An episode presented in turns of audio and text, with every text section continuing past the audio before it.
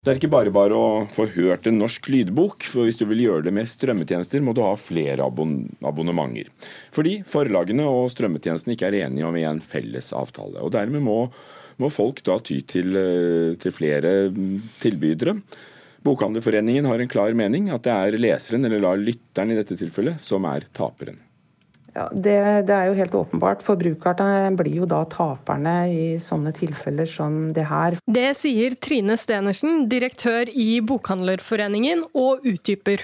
Istedenfor da eh, å ha flere konkurrenter som tilbyr alt innholdet, og konkurrere på f.eks. brukervennlighet og formidling, eh, så må da kunden i stedet for tegne flere abonnement for å ha tilgang til den bredden av litteratur som, som vi samla i bransjen tilbyr. Videre er hun tydelig på at Bokavtalen er krystallklar. Alle forlag skal levere bøker og filer til bokhandlere. Og dermed skal du som forbruker kunne gå inn i hvilken som helst bokhandel og finne alle forfatterne du ønsker, og det samme skal du egentlig kunne i alle strømmetjenester også. Så vi spurte folk ute i Oslo sentrum, ville du hatt en type strømmetjeneste med alle lydbøker samlet? Hadde vært en veldig god idé rettet mot et annet marked enn unge, tror jeg. Det satser på at en litt eldre generasjon ville hatt mer bruk for det. Selv om de unge leser jo veldig mye færre enn det eldre mennesker gjør, så kanskje også det må også være rettet mot temaet og de unge, da. Nei, jeg er for gammel til sånt. jeg syns det er et fint tilbud for de som ikke har tid til å sitte ned og lese, kanskje. Men for å få til det, må alle strømmeplattformer ha egne vilkårsavtaler med alle forlag. Bokavtalen bestemmer nemlig ikke detaljene i bokbransjen.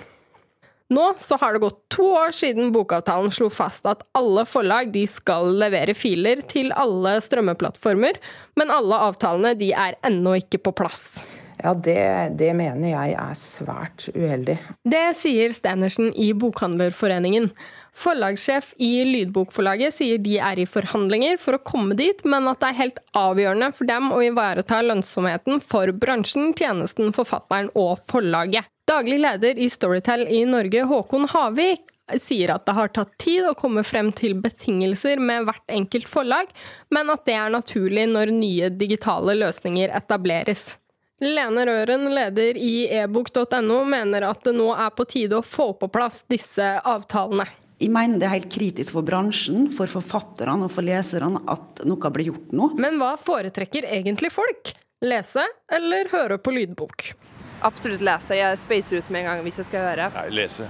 Lese. Reportere var Maiken Svendsen og Mia Becker, og bl.a. hadde de snakket med Bokhandlerforeningens administrerende direktør Trine Stensen. Agnes Moxnes, kulturkommentator her i NRK. Hvorfor klarer ikke bransjen å gi publikum et samlet og godt eh, tilbud når det gjelder lydbøker, sånn så som da Spotify er på musikken? Hvorfor får de det ikke til? Nei, Som du kan se, så står jeg i Frankfurt nå, foran bokmessa her. Den åpner eh, straks. Og det er jo et av temaene som eh, blir heftig debattert her også. Det er eh, boka, altså papirboka, som er på vikende front. Det har vært veldig mye uro i bokbransjen pga. det. Synkende lønnsomhet. Og så kommer altså da lydboka susende inn, og plutselig så går liksom tallene opp. Det spisser konkurransen, og foreløpig så går liksom de kollektive avtalene de går på bekostning av Eller altså, de eh, kollektive avtalene blir eh, utsatt til fordel for enkelte eh, strømmeselskapers interesser i denne saken. Så det er en forhandlingssak, og det er jo interessant å se hvordan den trekker ut i langdrag. Er det da ikke mulig å se én aktør som ligger an til å vinne verdensherredømme når det gjelder lydbøker?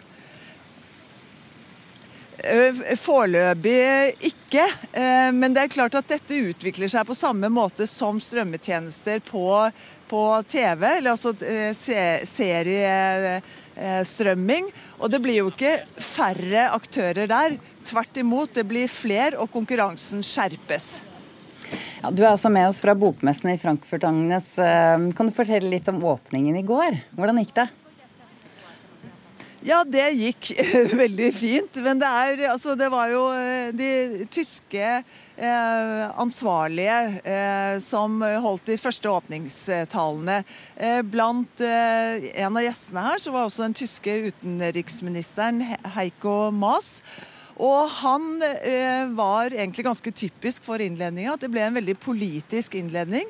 Eh, viste til både ekstremisme Det var jo et, et, eh, terrorangrep mot en synagoge i en by i nærheten av Frankfurt her for bare noen dager siden.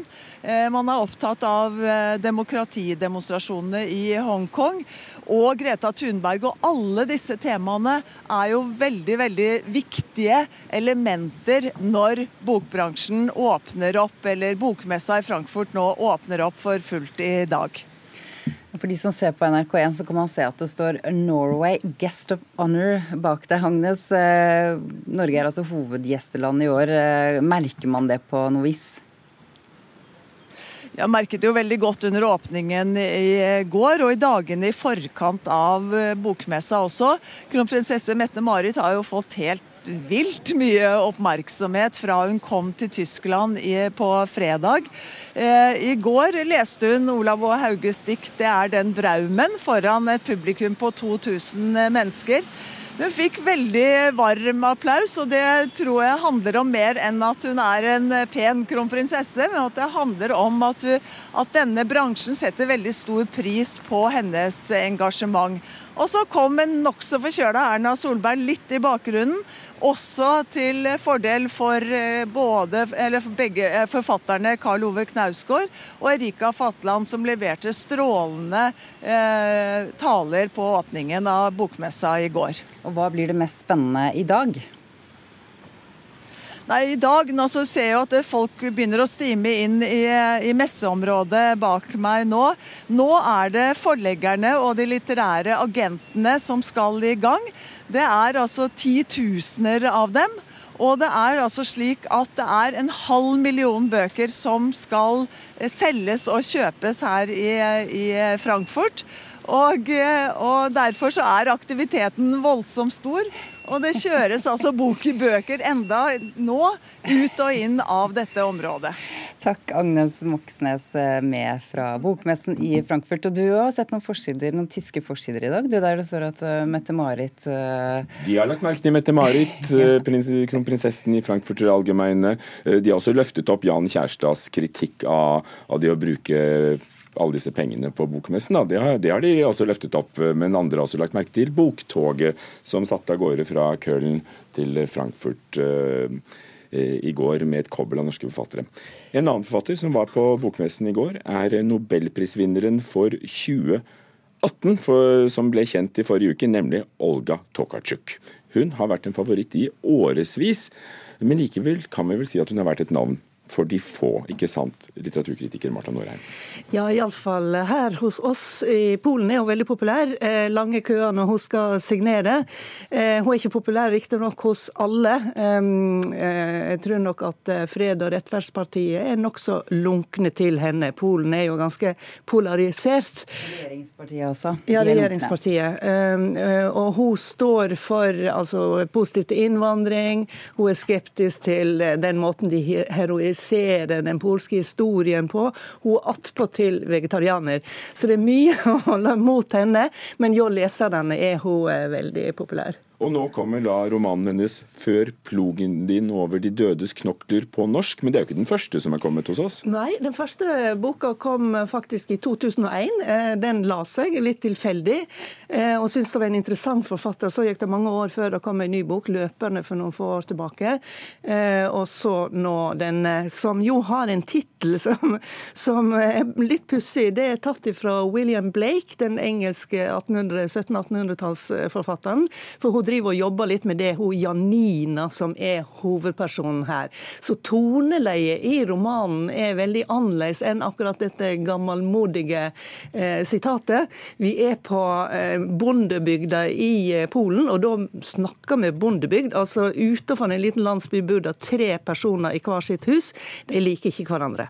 Eh, en dag er den ene død. Det er naboen til Janina eh, som fører ordet, eh, og den hun liker aller minst. Eh, Han har fått et bein i halsen. Da syns vegetarianeren Janine akkurat på sin plass å dø sånn for en simpel krypskytter. Etter hvert så dukker det opp flere lik. Så dette her er jo rett og slett en krim. Hvem er det som driver og tar livet av folk i dette vesle miljøet, altså landsbyen og, og, og utkantene av eh, landsbyen.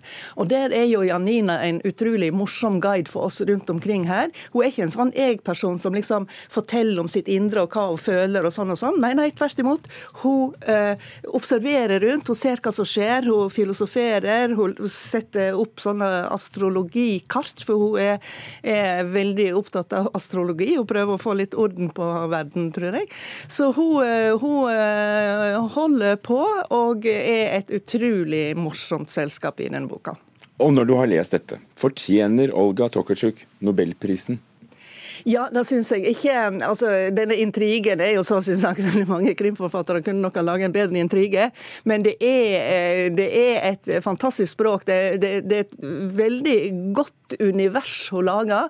Og det er en humor som, eh, som du må egentlig til Øst-Europa for å finne den der salte, litt sånn krasse typen humor. Men hun får nok boka nok først og fremst for det som blir regna som hennes hovedverk, nemlig Jakobsbøkene.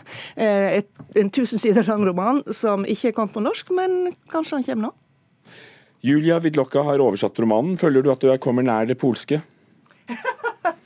Ja, eh, men det er jo alltid en eh, lureting, for jeg vet så lite om Polen at jeg tror alt jeg leser i romaner, og det er jo litt lumsk også. Takk skal du ha. Marta Norheim, før plogen din over de dødes knokler av Olga Tokarczuk, og hun kommer til Norge neste uke. Da blir det nok rikelig med intervjuer å se, høre og lese, tenker jeg.